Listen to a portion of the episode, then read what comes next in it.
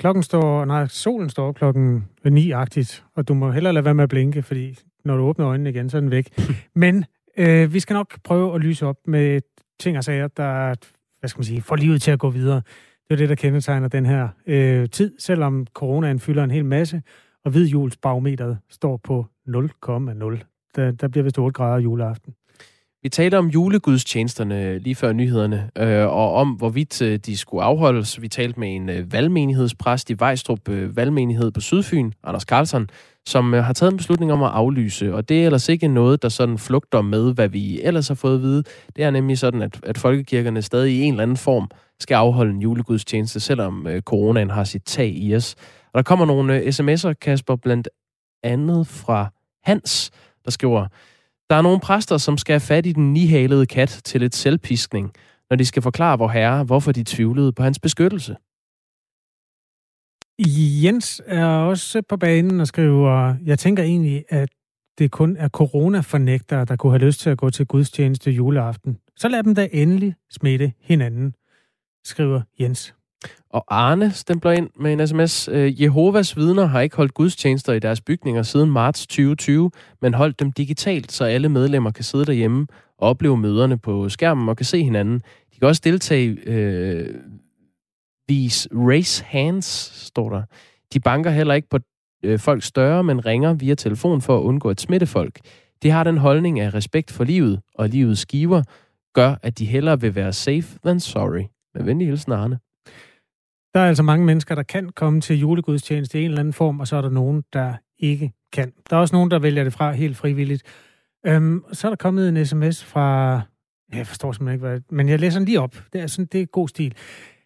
Han er det gamle østtyske regime værdigt. Han er mere statstro end gudtroende. Hehe. En reference til præsten, som tager restriktioner og advarsler ad notam mere end Guds ord. Godt så. Klokken er øh, 7.07. 07.07 er den jo faktisk, og den har faktisk lige været 07.07.07. Jeg ved ikke om... Verden, verden står her endnu faktisk, men nu er klokken så 07.07.24. Det er Radio 4 morgen, du lytter til. Om tre timer, der lukker vi for al flytrafik fra Storbritannien de næste 48 timer her i Danmark. Det er et forsøg på at forhindre en ny variant af coronavirus, som er væsentligt mere smitsom end den, man kender det i forvejen, i at sprede sig mere end højst nødvendigt til dansk grund og danske mennesker. Godmorgen, Lars Østergaard. Godmorgen. Professor i infektionssygdomme og overlæge på Aarhus Universitetshospital. Beslutningen om at lukke for flytrafikken fra Storbritannien er truffet på baggrund af en vurdering fra de danske sundhedsmyndigheder. Det er, øh, fordi coronavirus har muteret igen og øh, bredt sig hurtigt i London og andre dele af England, og kan gøre det sværere at kontrollere smitten. Øhm, hvor bekymret er du over den her coronamutation? Jamen, øh, øh, coronamutationer, det er noget, som altid har været der, og det er også noget, vi kommer til at se i fremtiden. Øh, det, det jo så handler om, det er at få fundet ud af helt præcist, jamen, hvad gør de her mutationer så? Og her har man jo fundet, at der er et øh, sammenfald mellem den her mutation og så et stigende antal tilfælde i England. Så derfor er det nærliggende at tro, at øh, der faktisk også er mere smitsom. Men øh, de klare beviser helt præcist, øh, dem har vi jo ikke endnu, og dem har vi så, ikke, ikke lige mig, men øh, dem har man i hvert fald i England ved at, at lede hastigt efter. Så indtil da kan det jo give god mening ud fra sådan et forsigtighedsprincip at sige, jamen øh, skal vi nu ikke lige sørge for, at den her virus ikke øh, kommer til at, at blande sig i vores øh, bekæmpelse her i Danmark. Sidste gang ordet forsigtighedsprincip blev brugt i forbindelse med en coronamutation, der var der 17 millioner mink, der blev slået ihjel. Ved du, om der er nogle ligheder mellem de to øh, vira? For eksempel det, som man var bekymret for dengang, om den var svær at dæmme op for med en vaccine? Ja, altså det, det der er ved den nye øh, mutant her, det er, at den har også en øh, ændring i det her såkaldte spike-protein, altså det øh, protein, som virus bruger til at komme ind i cellerne, og altså det, der gør, om man kan blive mere smitsom eller mindre smitsom. Og, øh, og det har været fælles for, for de to mutationer, det er jo også der, man kan sige, at man begynder også at, at blive bekymret for, jamen kan det så være øh, hindrende for vaccinens effekt? Men det er der jo altså heller ikke noget, der tyder på endnu. Øh, men det er selvfølgelig sådan nogle ting, man holder rigtig godt øje med.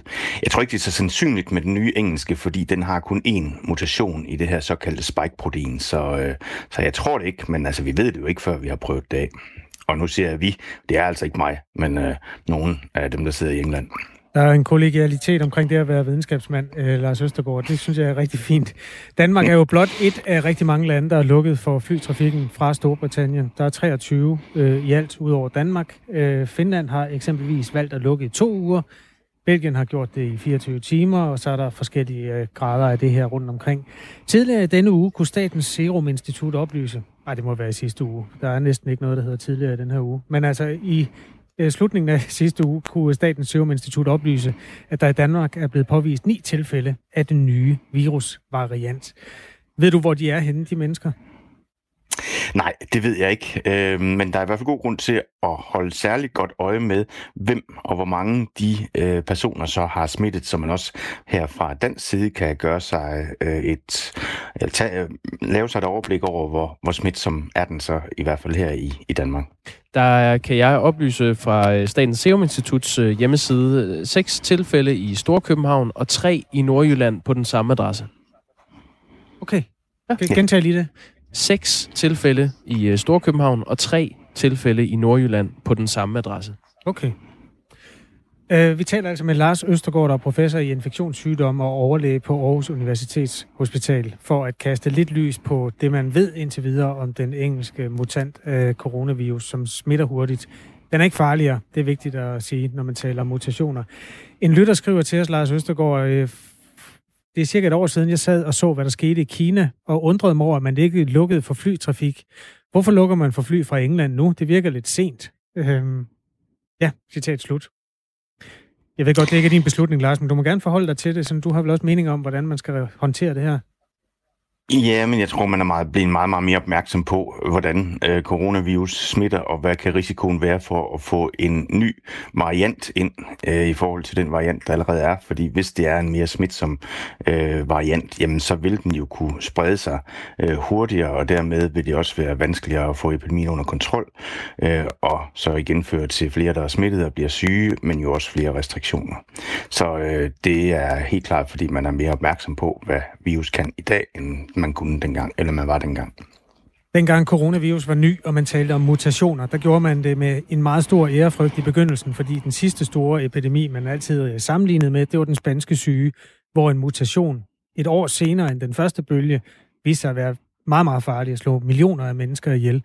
Hvordan er øh, situationen omkring det beredskab? Altså, der sidder man stadigvæk i videnskabelige kredse og er opmærksom på, at der øh, ikke opstår noget, der er farligere end det, vi har allerede? Ja, for det er sådan, at de virus, øh, der bliver identificeret ved podningerne, de bliver altså også undersøgt for deres arvemasser. Det er jo arvemasser, når man ser øh, mutationerne. Så der bliver hele tiden løbende holdt øje med, er der mutationer, som opstår, øhm, og hvordan udvikler de mutationer sig. Og det er jo også på den måde, at man har fundet ud af, at den her afart af virus, den har spredt sig i de områder i, i England. Så det holder man øh, øje med, også i Danmark øh, løbende. Øh, man har lukket i Danmarks tilfælde for fly fra England i 48 timer. Kan en øh, virusvariant nå at blive komme under kontrol på 48 timer? Øh, nej, det, øh, det kan den bestemt ikke. Og det er også spørgsmål om den virusvariant, som har spredt sig så meget i England, øh, kan komme under kontrol. Det gode er selvfølgelig, at man den her virusvariant kan findes med de PCR-metoder, der bliver anvendt, og derfor kan man stadigvæk bruge øh, det her princip med at få opsporet folk og også få sat folk i isolation, som måske kan hindre eller reducere en spredning. Men 48 timer, det kan den nu ikke nå at blive begrænset på. Men jeg tænker også, at de 48 timer måske lige bruges til at, at danne sig et øh, mere øh, konkret billede af, hvad er øh, trusselsituationen i den her, øh, ved den her nye variant. Lars Østergaard, vores øh, lytter Mikkel skriver, hvis vi lukker ned til UK, øh, har vi så sat de danske tilfælde i tvungen karantæne? Ellers er det jo ligegyldigt. Ja, og som sagt, jeg har ikke meget viden om øh, helt konkret, hvor de øh, danske tilfælde er, hvem de er smittet af, og hvem de kan risikere at smitte. Det er Styrelsen for Patientsikkerhed, man skal have fat i der. Er det korrekt, skriver Kim er det korrekt, at varianter, der smitter hyppigere, også er mindre farlige? Øhm, det er et, øh, en ting, vi har set tidligere. Men vi ved det jo så endnu ikke for den her nye engelske variant. Men altså mutationer og nye varianter, de kan have mange forskellige udfald. Altså det kan være ting, der smitter nemmere, det kan være ting, der smitter sværere, det kan være nogen, der giver et sværere sygdomsforløb, det kan være nogen, der giver et mildere sygdomsforløb. Og alle de ting, der står vi jo stadigvæk med en, en vis usikkerhed omkring, ja, den her mutation og også kommende mutationer. Men det vigtige her er vel at sikre, at vi hele tiden kan overvåge, kommer der nye mutationer, og hvilken effekt har de så på dels øh, sygdomsgraden, man kan udvikle, men jo også, hvilken effekt kommer de til at have på de vacciner, der nu øh, sættes øh, i anvendelse. Det sagde Lars Østergaard, der er professor og overlæge ved øh, Aarhus Universitetshospital. Tak skal du have, fordi du var med her. Jamen selv tak da. Klokken er kvart over syv. Du hører Radio 4 morgen. Vi skal selvfølgelig nok øh, holde dig orienteret, hvis der sker nye ting i sådan på den helt alvorlige bane, men vi kan også godt lige nå noget sport. Jeg har jo et segment, der hedder de irriterende sportsnyheder. Ja, nu er den galt igen. Ja, det kan jeg da love dig for, at den er. Øhm, vi skal jo have en jingle. Sådan en meget ørefaldende, i ørefaldende jingle til det. Det har du ret i. Men det er måske et meget godt tidspunkt at, øh, at foreslå det. Nu er det jo snart et Så kan ja, vi jo have det, det som fortsæt. Ja, godt. Her kommer nyhederne. Godt. I afdelingen for irriterende sportsnyt, der øh, kan vi lige starte med det faktum, at Danmark blev nummer 4 ved EM i kvindehåndbold. Øh, bronzekampen mod Kroatien, der øh, formåede Danmark at tabe, blandt andet ved at holde en scoringspause på 17 minutter, hvor man ikke lavede det eneste mål. Ja, 25-19. Det er altid træls at tabe, og det rigtig irriterende, hvis man taber til nogen, som man synes er dårlig. og Danmarks tidligere landstræner Claus Brun Jørgensen, han havde jo inden kampen fortalt øh, TV2-seere, hvor elendige kroaterne er. Og efter kampen, der fik den kroatiske landstræner så øh, lov at komme lidt til genmæle på TV2, og han synes, at øh, Claus Brun Jørgensen er irriterende. His uh, so-called expertise, what is going to be in, in a medals match. And talking about us this way, it's unpolite. First, it's unpolite. Second, he shows that he does not everything about handball. Sorry to say this. He was a good player. He's okay maybe as a coach, but to talk about some other country with uh, with a history of handball like Croatia. Sorry, it's unpolite. Ja. Det er han jo sådan set ret i. Ja, han fremhæver Kroatiens store håndboldhistorie. Det hører med til historien. Det er første gang, at kvinderne vinder noget som helst jo. Jo, men vi kender alle Balic, der lever af smøger og kaffe. Det ikke ham, man altid fremhæver. jo, jo, men han er jo mand. Ja, ja, det ved jeg da. Nå, øh, det var TV2, der havde lavet det her fine interview med Kroatiens landstræner. Og øh, efter det genmæle, der fik Claus Brun Jørgensen, så Danmarks tidligere landstræner, nu ekspert, ekspert mm. i citationstegn, som den kroatiske landstræner sagde, lov at komme til gen, genmæle. Lagde han sig ned? Øh, nej, nej, nej. Øh, han sagde, jeg skal nok sende ham en buket blomster, hvis de inden for de næste år viser sig, at det her det er et kroatisk hold, der fortsat slutter i top 8. Han køber tid. ja, det gør han. Altså, om to år skal han nok måske sige undskyld. Det er jo endnu en fuckfinger til kroaterne. Ja. Nå, men de vandt. De trak det sidste, det længste strå. De fik bronzen. De griner hele vejen til banken.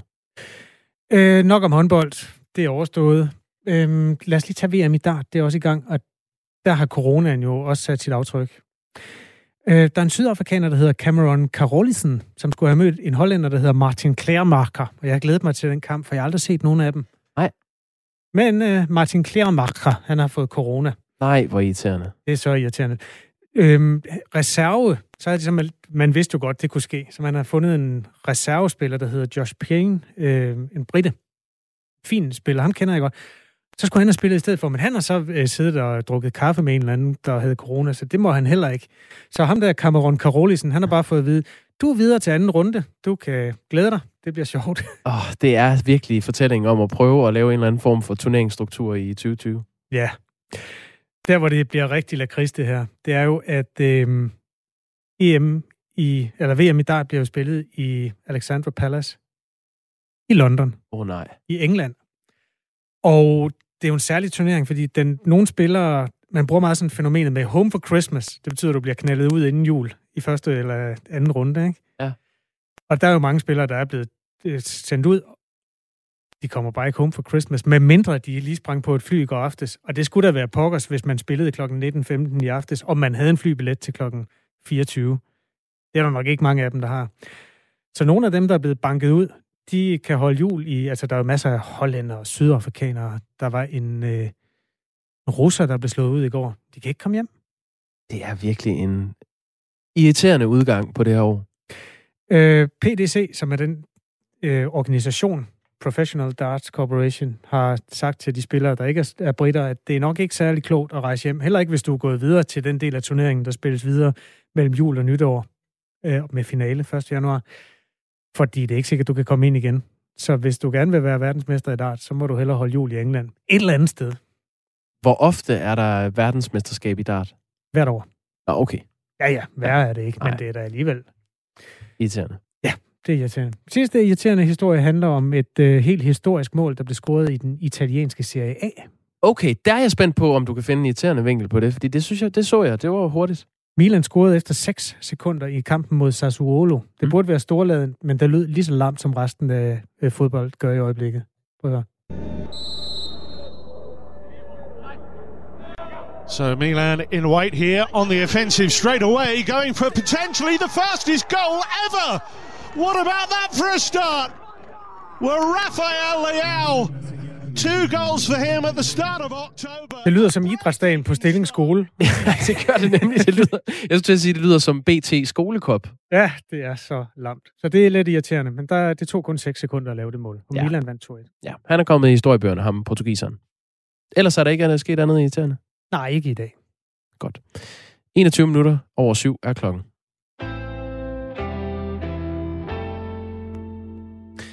Forholdene for patienter herunder fødende skal forbedres.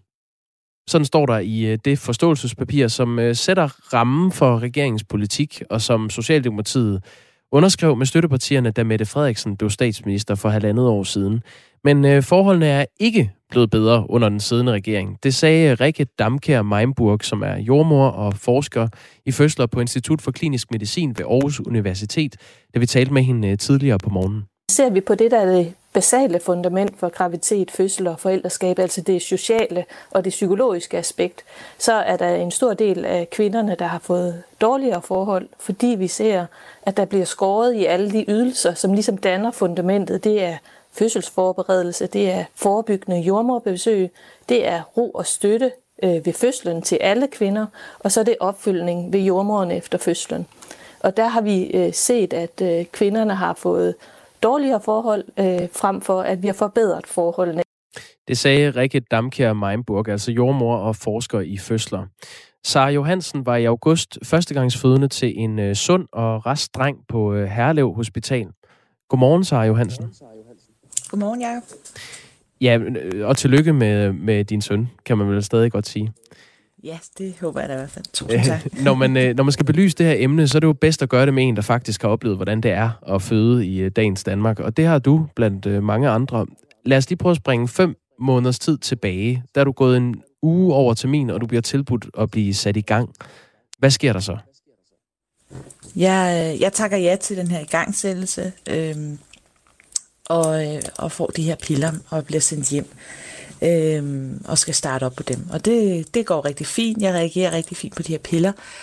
Øh, er i kontakt med fødestuen, øh, eller ja, øh, modtagelsen, og får at vide, jamen, at, at øh, ud fra min situation, jamen, så skal jeg komme igen næste morgen, og så skal vi prøve at vurdere, hvor langt jeg er henne, alt efter, øh, da, da jeg ikke har så regelmæssigt vejr. Jeg kommer igen næste morgen og får finder ud af, at jeg har reageret rigtig fint på de her igangsætningspiller, men jeg er ikke lige der, hvor man kan kalde, at jeg er i en aktiv fødsel endnu. Øh, jeg får muligheden for lige der at sige, jamen, altså, vil jeg blive liggende derinde og vente på at gå i aktiv fødsel, eller øh, vil jeg tage hjem? Og der, den, der, der siger alle husmorregler, at det er en god måde, og god ting at tage hjem og være der, hvor du er tryg. Vi, vi tager hjem, og lige pludselig så vender bøtten. Øh, jeg, jeg bliver ved med at have de her, jeg får sådan nogle vejer, og sådan meget ustadige vejer løbende. De kommer i kontakt med, med hvad hedder det, fødestue, eller hvad hedder det, mod, fødemodsagelsen, som er aftalt, men får så at vide, at nu har de travlt. Øh, jeg kan, altså så ud fra mine vejer, som stadig er sådan lidt sporadiske, og der er nogle pauser imellem, jamen så kan jeg få, så kan de tilbyde mig en tid til at få taget mit vand øh, om mandagen. Og jeg bliver sat i gang om torsdagen at få vide, altså der står i, i papirerne, at det er noget, der skal foregå over maks tre dage og sådan noget. Det er sådan forståelsen af det. Øh, der er ikke noget at gøre. Jeg hører til på Herlev. Øh, når vi ringer lørdag, hvor jeg har rigtig, øh, hvor leverne er taget til, og jeg har stadigvæk ikke fået sovet siden torsdag her om lørdagen. øh, så, så får vi bare at vide, at der er for travlt, og der er ikke så meget at gøre. Jeg har, der er sådan en jordmor, der forbarmer sig mig så at at undersøge, om jeg kan komme hen på et af de andre hospitaler, som måske ikke har så travlt. Øh, hvor hun så vender tilbage og siger, at der er ikke noget, øh, altså i det, jeg er i gang sat på Herlev Hospital, så hører jeg til der. Og øh, i det, jeg ikke er i øh, aktiv fødsel, i det vandet ikke er gået, øh, og jeg ikke har, altså at jeg stadigvæk har nogle, nogle lidt længere pauser mellem de her vejer, jamen så øh, kan de ikke hjælpe mig. Øh, der er simpelthen ikke nogen fødestuer ledige eller jordmøder klar. Mm. Øh, så, øh, og alligevel, altså, vi, vi er i kontakt med, med modtagelsen flere gange. Jeg er førstegangsfødende, øh, så når vejerne tager rigtig godt til, at jeg ikke rigtig kan koncentrere mig om andet, så er det at vi får, har fået videre, at jamen, så er det der, vi, vi skal kontakte men, men, men vi ender med at, at køre forgæves. Altså vi bliver inviteret ud på øh, modtagelsen øh, løbende, hvor jeg får taget sådan det, der bliver kaldt en strimmel, hvor man prøver at kontrollere, hvordan babys øh, hjertefrekvens er og sådan noget her. Øhm, og det er, min oplevelse er jo selvfølgelig, at, at de, de skal jo passe på, at, at baby ikke bliver stresset, men så længe baby ikke er stresset, så er der ikke nogen grund til at gøre noget. Så kan vi godt vente til mandag morgen, hvor jeg nu har fået en tid til at blive fortaget vandet og komme i aktiv fødsel. Og alt det her, det resulterer så i, at du øh, ja, søndag morgen får den trukket og bliver kørt øh, ud på, øh, på Herlev Hospital, hvor du skal føde din mand igen. Og hvad sker der derfra? Der møder vi så øh, en, en forvarmende jordmor, altså skal lige siges løbende i det her, der oplever jeg, at jordmøderne har har svært ved at, at, at være i det her, altså over for mig, og siger, at det er jo ikke optimalt, og det er jo ikke helt, som det skal være, men vi kan ikke gøre noget, der er ikke nogen pladser. Det er lidt den, jeg får at vide. Øh, men om, om søndag morgen, der har jeg simpelthen åbnet mig så meget, og jeg må, op, må sige til mig, at jeg er simpelthen så udmattet, og nu begynder jeg at være bange for, at jeg ikke kan fuldføre en øh, naturlig fødsel. Øhm, fordi jeg har stadigvæk ikke fundet hvile siden torsdag middag, hvor jeg ligesom bliver øh, sat i gang. Det vil sige ingen søvn i nærmest tre dage. Øh, jeg får så, mm, på grund af, at jeg har åbnet mig det, jeg har, jamen så får jeg mulighed for, så ligger og venter og kommer i kø til at kunne komme på øh, fødegangen søndag. Øh, og er så, øh, ender så på fødegangen søndag middag. Og når først vi er på fødegangen, så har vi så et lokale for os selv og en jordmor inde på stuen. Øh, fødslen går, jeg bliver, jeg får sat, jeg bliver sat i gang med, der bliver taget vand, når man følger mig på strimmel og alt det her. Men, men, men jeg ender med, altså under fødslen, og, øh, og ikke være, ikke, jeg kan ikke huske meget af det. Jeg er, øh, jeg er fyldt med, øh, med usikkerhed og, og har været øh, rigtig bange her op til, fordi at, jamen, har følt mig overladt til mig selv øh, og udmattet. Så jeg ender faktisk med at være øh, råber og skriger min mand. Det gør de fleste nok. Men, øh, men jeg er simpelthen bange for at dø. Øh, jeg er bange for, at jeg dø. Og jeg er overbevist om, at enten jeg eller min baby er ved at dø under hele, hele forløbet. Øh, men der sker altså det, at jeg heldigvis føder helt naturligt øh, ved hjælp af nogle dygtige jordmøder øh, om aftenen, søndag aften klokken halv ni. Efter fødslen øh, kan jeg så ikke komme ud, og der, der, der er noget, man åbenbart skal kunne tisse lige bagefter, og det får jeg så ikke gjort. Vi får så mulighed for, vi er så en af de få, der får lov til, eller får mulighed for at komme ned på barselsgangen og blive indlagt dernede. Der, der bliver så taget mod af en jordmor eller en sygeplejerske.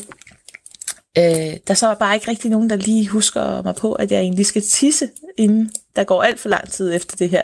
Mm. Så ender mandag morgen med at vågne, at, øh, og, og, og skal virkelig meget tisse, men kan ikke komme ind med det. Så det ender med, at jeg faktisk skal have kateter, og har slås med sådan noget med, at jeg skulle lægge kateter på mig selv i ja, 3-4 måneder. Øhm, så Johansen, ja, når vi, vi nærmer os et nyhedsoverblik, jeg bare lige nå også at spørge dig, altså, hvordan har den her oplevelse påvirket dig og din start som øh, nybagt mor? Øh, hvis du kan sætte nogle ord på det på en, en 15 sekunder. Jeg skal forsøge. Jamen, det har gjort, at, at øh, starten som nybagt mor har været præget af en belastningsreaktion og øh, usikkerhed og lidt angst. Og fordi at man, man, man har følt sig overladt til sig selv, og, og et velfærdssystem, som skulle have grebet en, egentlig ikke har været der af oplevelsen både af mig og faren, øh, som var voldsomt udmattet efter øh, 3-4 dages øh, for, før fødsel. så så øh, ja. Sara Johansen, øh, tak fordi du ville øh, dele din oplevelse her i øh, Radio 4 morgen, og have en dejlig jul, første jul, med din uh, lille søn. Tak skal du have, og glædelig jul til jer.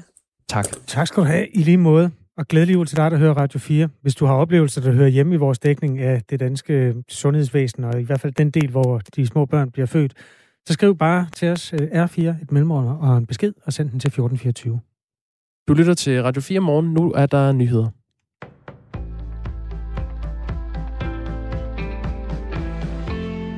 EU's lægemiddelagentur mødes i dag, hvor det vil præsentere sin vurdering af coronavaccinen fra Pfizer-BioNTech. Hvis vaccinen får grønt lys, går processen videre til EU-kommissionen, som inden for to dage ventes at give den endelige godkendelse af vaccinen. Dermed kan EU-landene gå i gang med at massevaccinere den 23. december. Det er overvejende sandsynligt, at vaccinen bliver godkendt, siger overlæge og professor i infektionsmedicin Jens Lundgren til TV2 det er det samme materiale, som også andre lægemiddelstyrelser i andre dele af verden har kigget igennem øh, og godkendt. Så sandsynligheden for, at der bliver fundet noget øh, af de europæiske lægemiddelmyndigheder, som der ikke er identificeret allerede øh, af andre, øh, den ligger på et lille sted. Danmark lukker i dag for al flytrafik fra Storbritannien i 48 timer, og det skal i forsøg på at forhindre en ny virusvariant i at sprede sig. Dermed følger Danmark en række andre lande, der i weekenden har stanset flytrafik fra Storbritannien. Forbuddet træder i kraft kl. 10 og gælder foreløbigt frem til den 23. december kl. 10. Beslutningen er truffet på baggrund af en vurdering fra sundhedsmyndighederne, skriver Transportministeriet. Det muterede coronavirus, som hurtigt har bredt sig i London og andre dele af England, kan ifølge myndighederne gøre det sværere at kontrollere smitten. Det fortæller Radio 4's reporter i London, Mads Anneberg. Det er ganske, ganske alvorligt. Altså, den her nye, øh, øh, hvad skal man sige, mutation er jo, er jo lige pludselig, øh, står jo for, for 60 procent af, af tilfældene i London. Og, og hvis, hvis det viser sig, at, at den rent faktisk ja, øh, øh smitter øh, mere effektivt, jamen så har vi jo et kæmpe problem. Tidligere i denne uge kunne Serum Instituttet oplyse, at der er blevet påvist ni tilfælde af den nye virusvariant herhjemme. Det har fået Tyrkiet til midlertidigt at stoppe fly fra Danmark, og Israel har indført skærpede restriktioner for rejsende fra Danmark. Selvom den nye variant menes at sprede sig hurtigere, så er der ikke noget, der forløbig tyder på, at den er mere dødelig eller fører til alvorligere sygdomsforløb.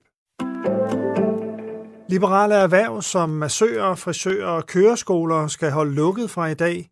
Regeringens håb er, at lukningerne kan være med til at bremse smittestigningen.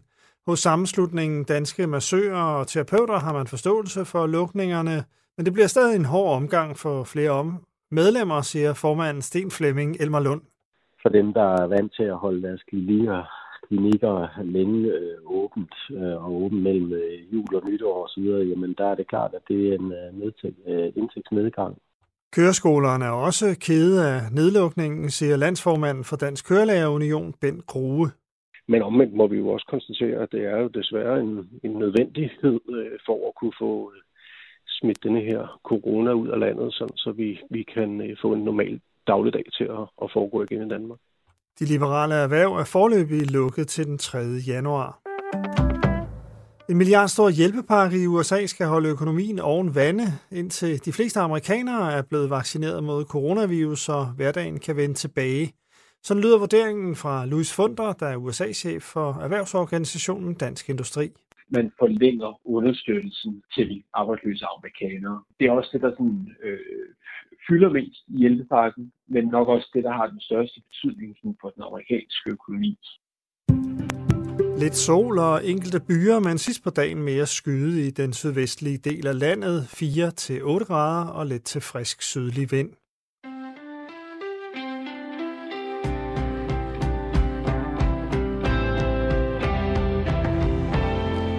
Der er kommet sms fra vores lytter Helle, der skriver, Kære gravide, vortende mødre, hvis I er sunde og raske, og lige så har normal øh, sund tilstand for jeres lille, ufødte baby, der er vi mange hjemmefødende, der kan tilråde stille og roligt at føde hjemme i eget trygge og ikke stressende miljø, ikke mindst fordi det er der, du i denne, vores smukkeste og største oplevelse i livet, den ultimative skønne dronning med de bedste og sødeste hjælpere, jordmøderne, som nu er gæster i dit jeres hjem, med måske også meget spændte større søskende til stede til store familiebegivenheder, øh, og husk allerede fra starten af graviditeten at sikre jordmøder til hjemmefødslen og fødselsforberedelse.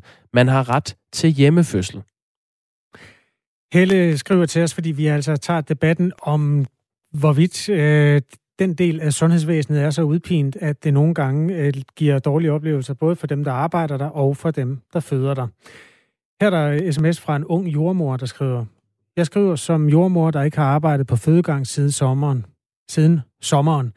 Mange jordmøder holder ikke til de arbejdsforhold, de bliver budt i særlig mange år, og vælger fødegangsarbejdet fra.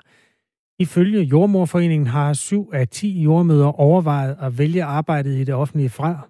Selv har jeg været udøvende jordmor i et år. Jeg har arbejdet på både et større og et mindre fødested i Danmark. Begge steder har jeg oplevet nedslidte jordmøder. Det sidste sted, jeg har arbejdet, er der pt. fire sygemeldte ud af en gruppe på 30, hvor sygemeldingen er arbejdsrelateret stress. De arbejdsforhold, der lige nu tilbydes jordmøderne, er dybt kritisable, skriver altså denne unge jordmor. Nu kan vi sige godmorgen til Lis Munk, som er formand i Jordmorforeningen, som er fagforening for de cirka 3.000 jordmøder, der er i Danmark. Øh, godmorgen, Lis Munk. Godmorgen. Godmorgen. Er det, er det rigtigt, at 7 ud af 10 øh, jordmøder har overvejet at vælge faget fra? Nej, jeg har ikke overvejet at vælge faget fra. De har overvejet at vælge øh, arbejde på de offentlige arbejdspladser fra. Altså at arbejde på, øh, på de regionale fødesteder. Det er vel også en stor del af faget? Jo, det er det bestemt. Det er det bestemt. Men, men dem, som vælger at gå ud og gøre noget andet, de gør jo ofte noget, der ligesom er også inden for vores virksomhedsområde.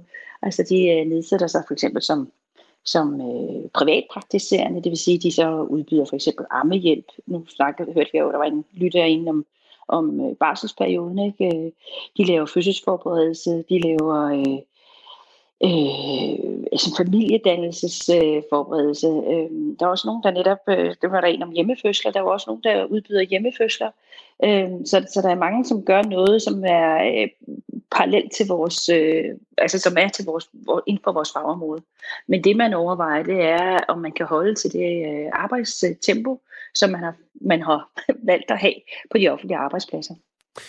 På det her forståelsespapir, som er aftalen, som er indgået mellem regeringen og støttepartierne, øhm, og som danner rammen for regeringspolitik, der står der ellers, nu citerer jeg lige, forholdene for patienter herunder fødende skal forbedres.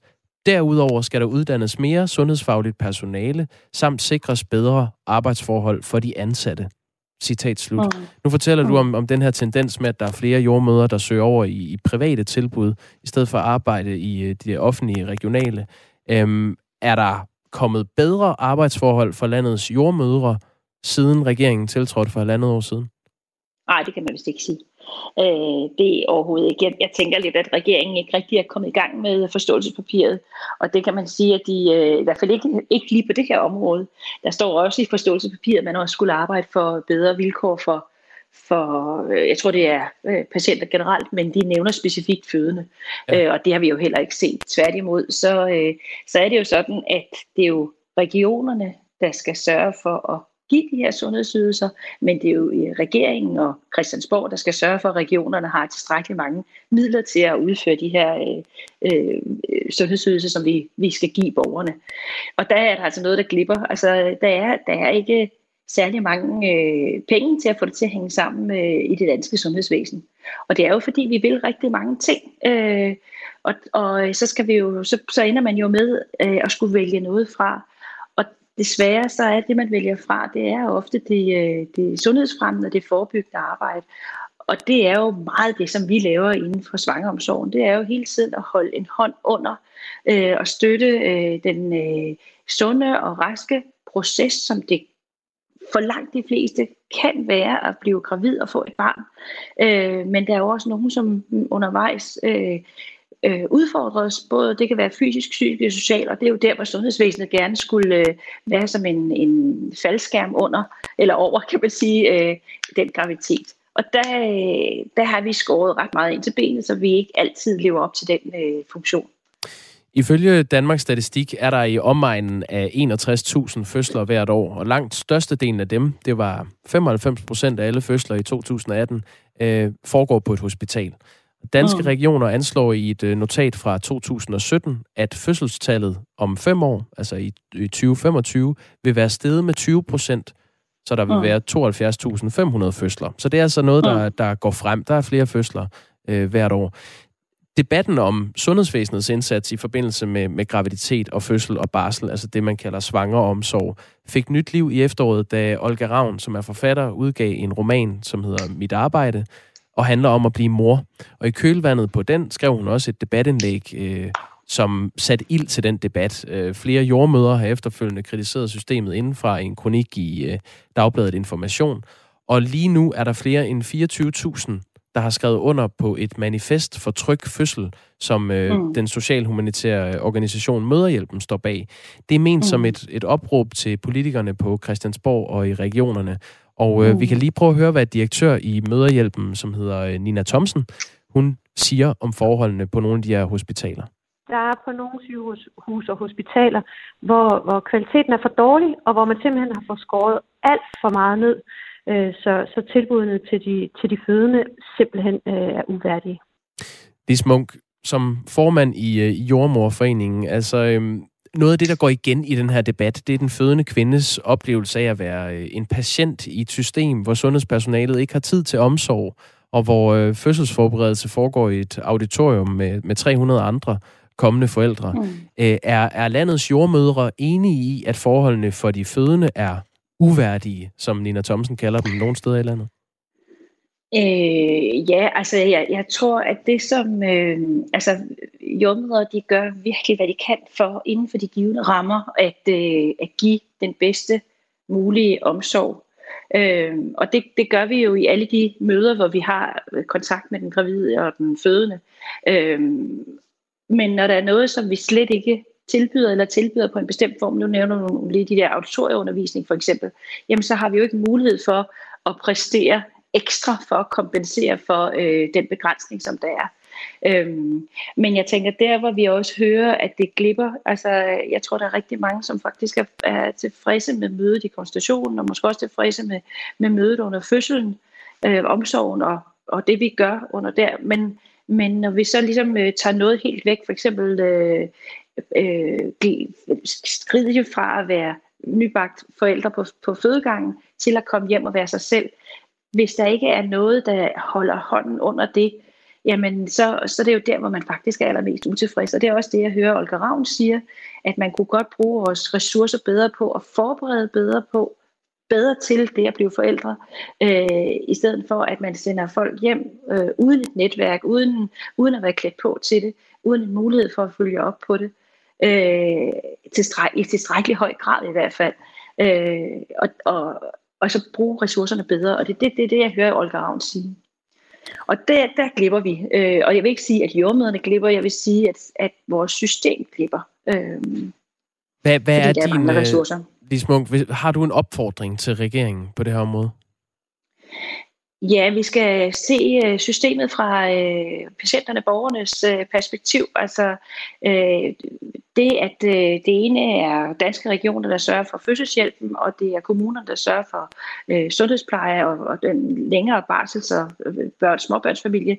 Det er der jo ingen, der mærker. Vi, vi skal se det, at øh, der skal være noget bedre sammenhæng øh, i den proces. Og så bliver vi nødt til at sige, at øh, hvis vi vil have et velfærdssamfund og nogle sundhedsvæsen i top, så skal vi altså også betale for det. Altså bedre løn til jordmøder? Bedre, ja, det skal vi også have. Det vil være rigtig, rigtig dejligt, bestemt. Men, øh, men vi skal også have rammer. Vi skal have rammer, sådan, så vi kan give den, de sundhedsydelser, øh, som der skal til. Det her det handler jo ikke om løn øh, også. Altså jo, det handler om løn for mig, fordi jeg er formand for jordmøderne. Ja. Selvfølgelig skal vi have en ordentlig løn for det. Men der er ikke rammerne, selv med den løn, vi har i dag, til at give de øh, sundhedsydelser, som vi faktisk burde give. Lis Munk er formand for øh, Jordmorforeningen, som er fagforening for de cirka 3.000 jordmøder, der er i Danmark. Og øh, så er du med her i Radio 4 Morgen, Lis Munk. Tak for det. Selv tak. God dag. I lige måde, tak. Øh, Det er altså forholdene for, for landets fødende kvinder, som er det store fokus i Radio 4 Morgen i dag, fordi regeringen har stående i forståelsespapiret med, med støttepartierne, at man forpligter sig på at forbedre de forhold. Vi har bedt om et interview med sundhedsminister Magnus Heunicke om det her spørgsmål. Det har ikke været muligt for ham at stille op. Øh, så spurgte jeg sundhedsordføreren for Socialdemokratiet, Rasmus Horn Langhoff, om han ville stille op og svare på, hvad regeringen reelt har gjort for at forbedre forholdene for landets øh, fødende, fødende kvinder, som de skriver i forståelsespapiret. Det har han heller ikke haft mulighed for. Ikke i dag. Så gav jeg ham mulighed for at være med i morgen. Det havde han heller ikke mulighed for. Og så tænker jeg, nu stopper vi den der. Så i mangel på socialdemokratiske politikere, der vil stå på mål for sin egen politik, så har vi et interview med støttepartiet SF's sundhedsordfører Kirsten Norman Andersen, og det er klokken lidt over halv ni. Ja, det har vi mulighed for. Det var der mulighed for. Klokken er kvart i otte nu. De døde mink skal graves op. De fleste husker nok, de blev slået ihjel og gravet ned. Nogle af dem lidt for tæt på en badesø nær ved Holstebro. Og nu skal minkenes øh, efterladenskaber altså graves op igen, men først til maj. Det blev et politisk flertal enige om i går. Carsten Dahl Schmidt er landmand ved Nørre Felding, tæt ved Massegraven i Holstebro Kommune. Godmorgen. Godmorgen. Er du tilfreds med, at der er landet en beslutning? Jeg er glad for, at der er landet en beslutning, men jeg er vildt skuffet over, at det skal tage seks måneder, inden det kan komme i gang. Hvorfor? Fordi om seks måneder, der er det jo sket. Der er den forurening er sket. Der har vi jo allerede fået at vide af Geos, at, at de siger, at der allerede nu er ved at ske forurening deroppe. Så kan det jo ikke nytte, når man venter seks måneder i en regnfuld periode med at gøre noget. Så, så er det jo længe for sent. Vi fik også fat i den rapport der. Altså GEOS, det nationale geologiske undersøgelser, eh, og Danmarks eh, Tekniske Universitet har lavet en undersøgelse for Miljøstyrelsen, Miljøstyrelsen, som viser, at der er overhængende fare for forurening af grundvandet. 50 øh, skadelige stoffer. Øh, de ligger der nu. Hvornår skal de op for, at du bliver tilfreds? Det skulle de have været for længe siden, så de skal i gang i dag. Det jeg ikke. Så simpelt er det. Nej, det sker ikke. Det er jeg godt klar over, men det burde de, hvis du spørger mig ad. Du er kvægbruger, ikke, Carsten? Ja, det er... Øh, har du nogen erfaring med døde kadaver, altså hvordan de tager sig ud, når de er et halvt år gamle? Så er der jo nærmest ikke andet Ja, det ved jeg faktisk ikke. Jeg har aldrig prøvet det, men jeg kunne da forestille mig, at det er en gang knogler, der ligger der. Altså, vi må jo ikke grave døde dyr ned. Det kan vi jo få fængselsstraf for. Så, så for at være helt ærlig, så ved jeg ikke engang, hvordan det vil se ud. Eller hvad de kommer til at grave op om det her år. Vi taler lige nu om 4 millioner døde dyr, der ligger begravet på militære områder ved Nørrefelding, ved Holstebro og ved Karup. Fødevarestyrelsen præsenterede i sidste uge tre modeller for, hvordan man kunne håndtere de her nedgravede mælk. Øh, den ene af dem, de graves op og køres direkte til forbrænding. Det tager omkring 3,5 måned at gennemføre det. Mulighed nummer to er, at de bliver gravet op og opbevares i gyldetanke. Når smitterisikoen er væk, bliver de kørt til afbrænding i takt med, at der er kapacitet. Den model tager et halvt år. Og så er der den sidste mulighed. De døde mink bliver i jorden, til der ikke er smitterisiko længere og bliver kørt til forbrænding. Det tager også omkring øh, 6 måneder. Og regeringen har altså peget på løsning 3 sammen med øh, de partier, der var med på den. Det er Enhedslisten, SF, Radikale, Alternativet og Frie Grønne. Det er det, man kalder rød blok normalt. Det betyder, at mængdene er fri for covid-19, når de bliver gravet op igen. Kan du forstå, at man valgte den model? Slet ikke. Fordi at deres argumentation, dengang de kom med mængden, det var jo, at øh, så længe mængder var døde, så kan de ikke smitte med corona. Men det er man så lige pludselig alligevel blevet nej for, at de kan. Så nej, jeg forstår slet ikke det valgte model. Peter Kjeldsen, der er ekspert i affaldsdeponering ved Danmarks Tekniske Universitet, DTU, han siger til DR Nyheder, at han ikke mener, det er problematisk, at minkene ligger i jorden i seks måneder. Om der går tre eller seks måneder, så skal det nok gå. Min vurdering er, at der ikke er sket uoprettelig skade af søer eller vandløb i nærheden inden for de her seks måneder, der kommer til at gå siger Peter Kelsen. Gør det noget for dig, Carsten Dahl Schmidt, at han siger det? Overhovedet ikke. Jeg har jo lige hørt, at Geos de har sagt det stik modsatte. Så er det slet ikke. Altså, så, jeg ved ikke engang, hvad man er. Men jeg tror ikke på det. Nu har Geos sagt det andet, så tror jeg på det. Han er øh, en af Danmarks førende eksperter i affaldsdeponering, og har blandt andet også skulet og skælet til nogle af de øh, tidligere forløb i Storbritannien, hvor man skulle grave en masse køer ned under øh, kogalskaben i 90'erne. Jeg er godt klar over, at der, det peger selvfølgelig i hver sin retning to hold af forskere, men ikke desto mindre. Ham her, han, han siger, at øh, I ikke skal være nervøse for jeres sø. Gør det ingenting for dig? Overhovedet ingenting. Det er, det er en forurening, der er tusind gange værre end det gødning, som vi kan ud på vores marker. så uanset hvad de siger, så tror jeg simpelthen ikke på, at det ikke giver en forurening, det her. Carsten Dahl Det er sund fornuft. Okay. Øhm, ja, i hvert fald er det synspunktet fra Carsten Dahl Schmidt, der er landmand i... Der er faktisk en lytter, der skriver ind, at det er udtalt Nørre Fælling, og ikke Nørre Felding. Er det rigtigt? Ja. Det må du så med undskylde. Det går nok. det er godt. Carsten Dahl Schmidt, tak fordi du var med i Radio 4 morgen og gav dit øh, besøg med. Det er orden. Nørre Fælling ligger i Vestjylland, altså øh, nær massegraven, hvor øh, millioner af mink ligger gravet ned på militært terræn i Holstebro Kommune.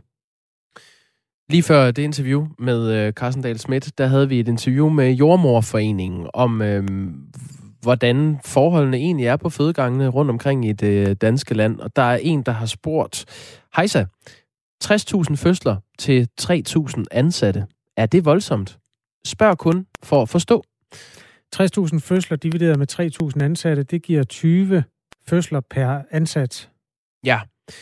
Øhm, det var... Det, det, jeg har faktisk jeg kigget på det som øh, research til det her interview. Det var en del af debatten. Det er jo ikke en ny debat, det her. Øhm, I 2017 konkluderede danske regioner, at der var kommet færre fødsler per jordmor, men at jordmøderne omvendt har fået flere opgaver.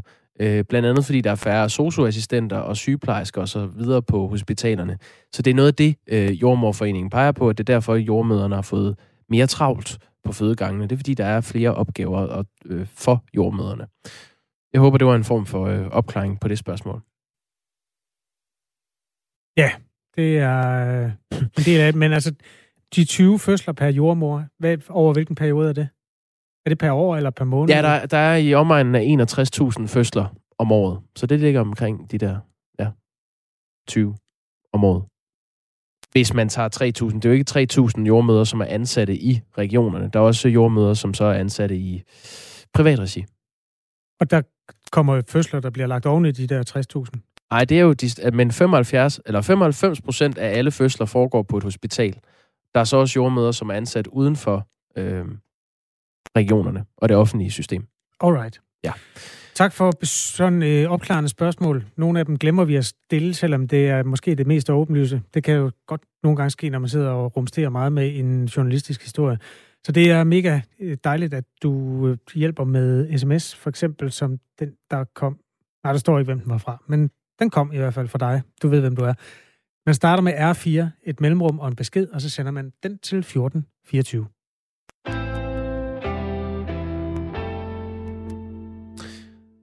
Nu skal vi til opsigtsvækkende nyt.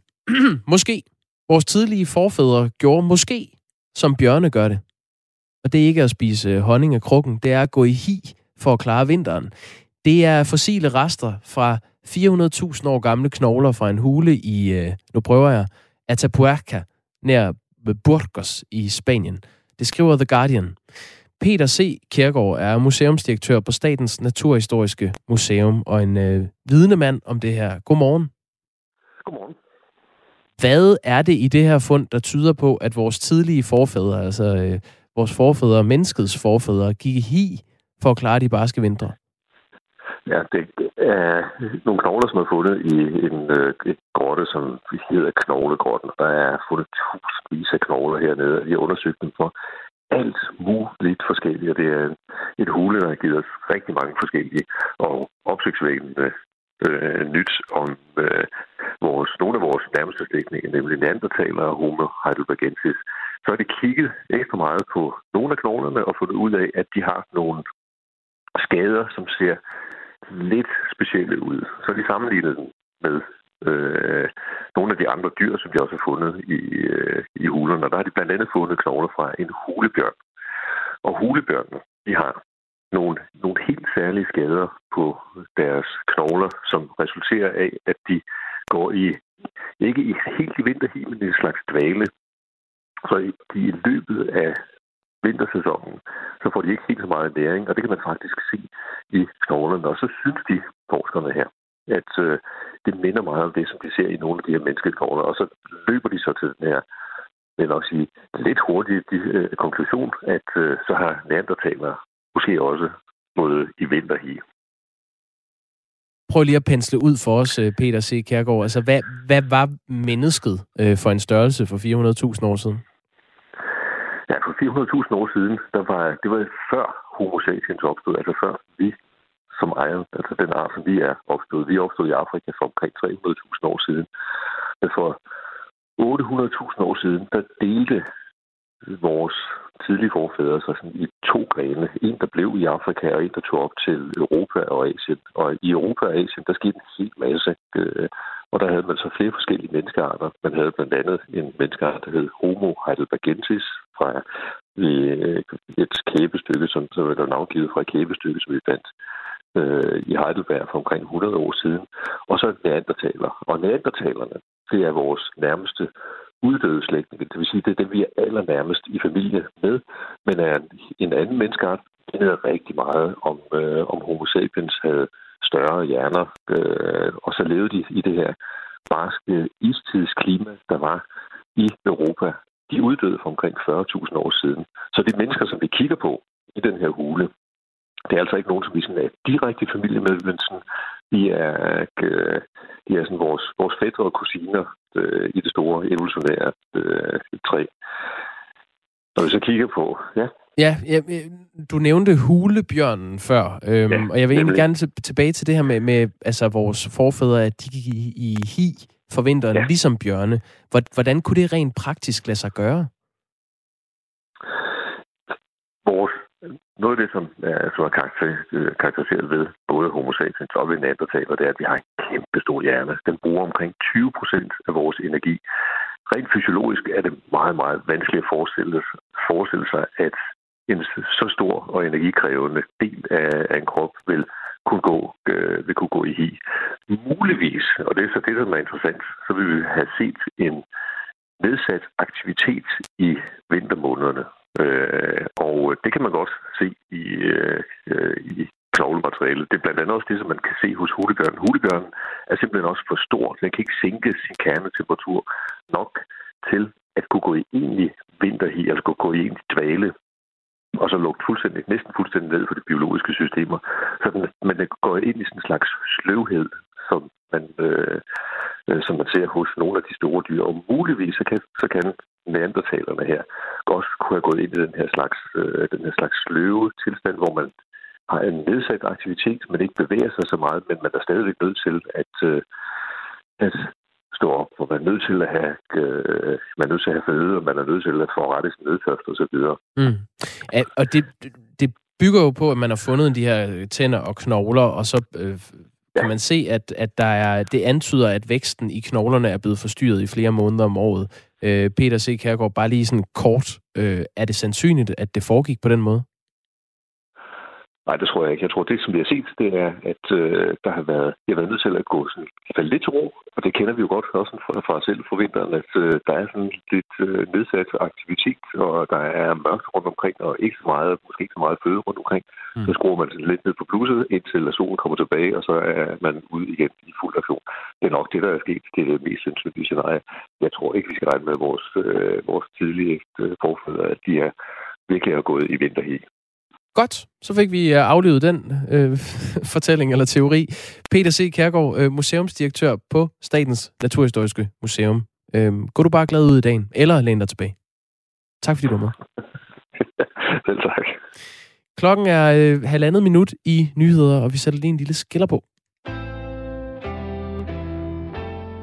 Jeg foreslår, at vi bruger dem på at rydde op i sms'en. God idé. Der er kommet post fra for eksempel Tommy Ligård, som har lyttet med på debatten om de mange mængder, der er gravet ned, og konklusionerne fra deponeringseksperten, som nåede frem til, at det ikke fører til øh, vejeforurening. Tommy Ligård skriver retorisk og lidt undrende, hvis den holder, hvorfor må landmænd ikke begrave dyr eller hælde gylde ud? Her udstedet bøder og fængselsstraf. Det var jo noget af det, vores øh, landmand, der var med lige før, øh, også selv var inde på. Ja, det, han kunne godt tænke sig at blive kontrolleret lidt mindre, når staten kontrollerer sig selv så lidt, ja. som tilfældet er, når 4 millioner dyr skal begraves ved hans sø. Henrik skriver, nå, han skriver bare tak, fordi vi lige fik rettet, at det hedder fælling og ikke fælding. Nørre Fælling i Vestjylland. Det er jo der, hvor landmanden Karsten han øh, holder til. Tak for posten, Henrik. Giv meget gerne lyd, når I opdager noget, som vi skal gøre bedre. Og god jul til dig. På den anden side af nyhederne, der øh, skal vi tale med Henning Urban Dam Nielsen, som er medlem af kommunalbestyrelsen i Stævns Kommune og formand for deres øh, social- og sundhedsudvalg. Det skal vi, fordi man i Stævns Kommune har besluttet, at de kommunalt ansatte ikke længere må ryge i arbejdstiden. Heller ikke hjemme hos sig selv. Og øh, det skal vi jo høre, hvordan vil de kontrollere det.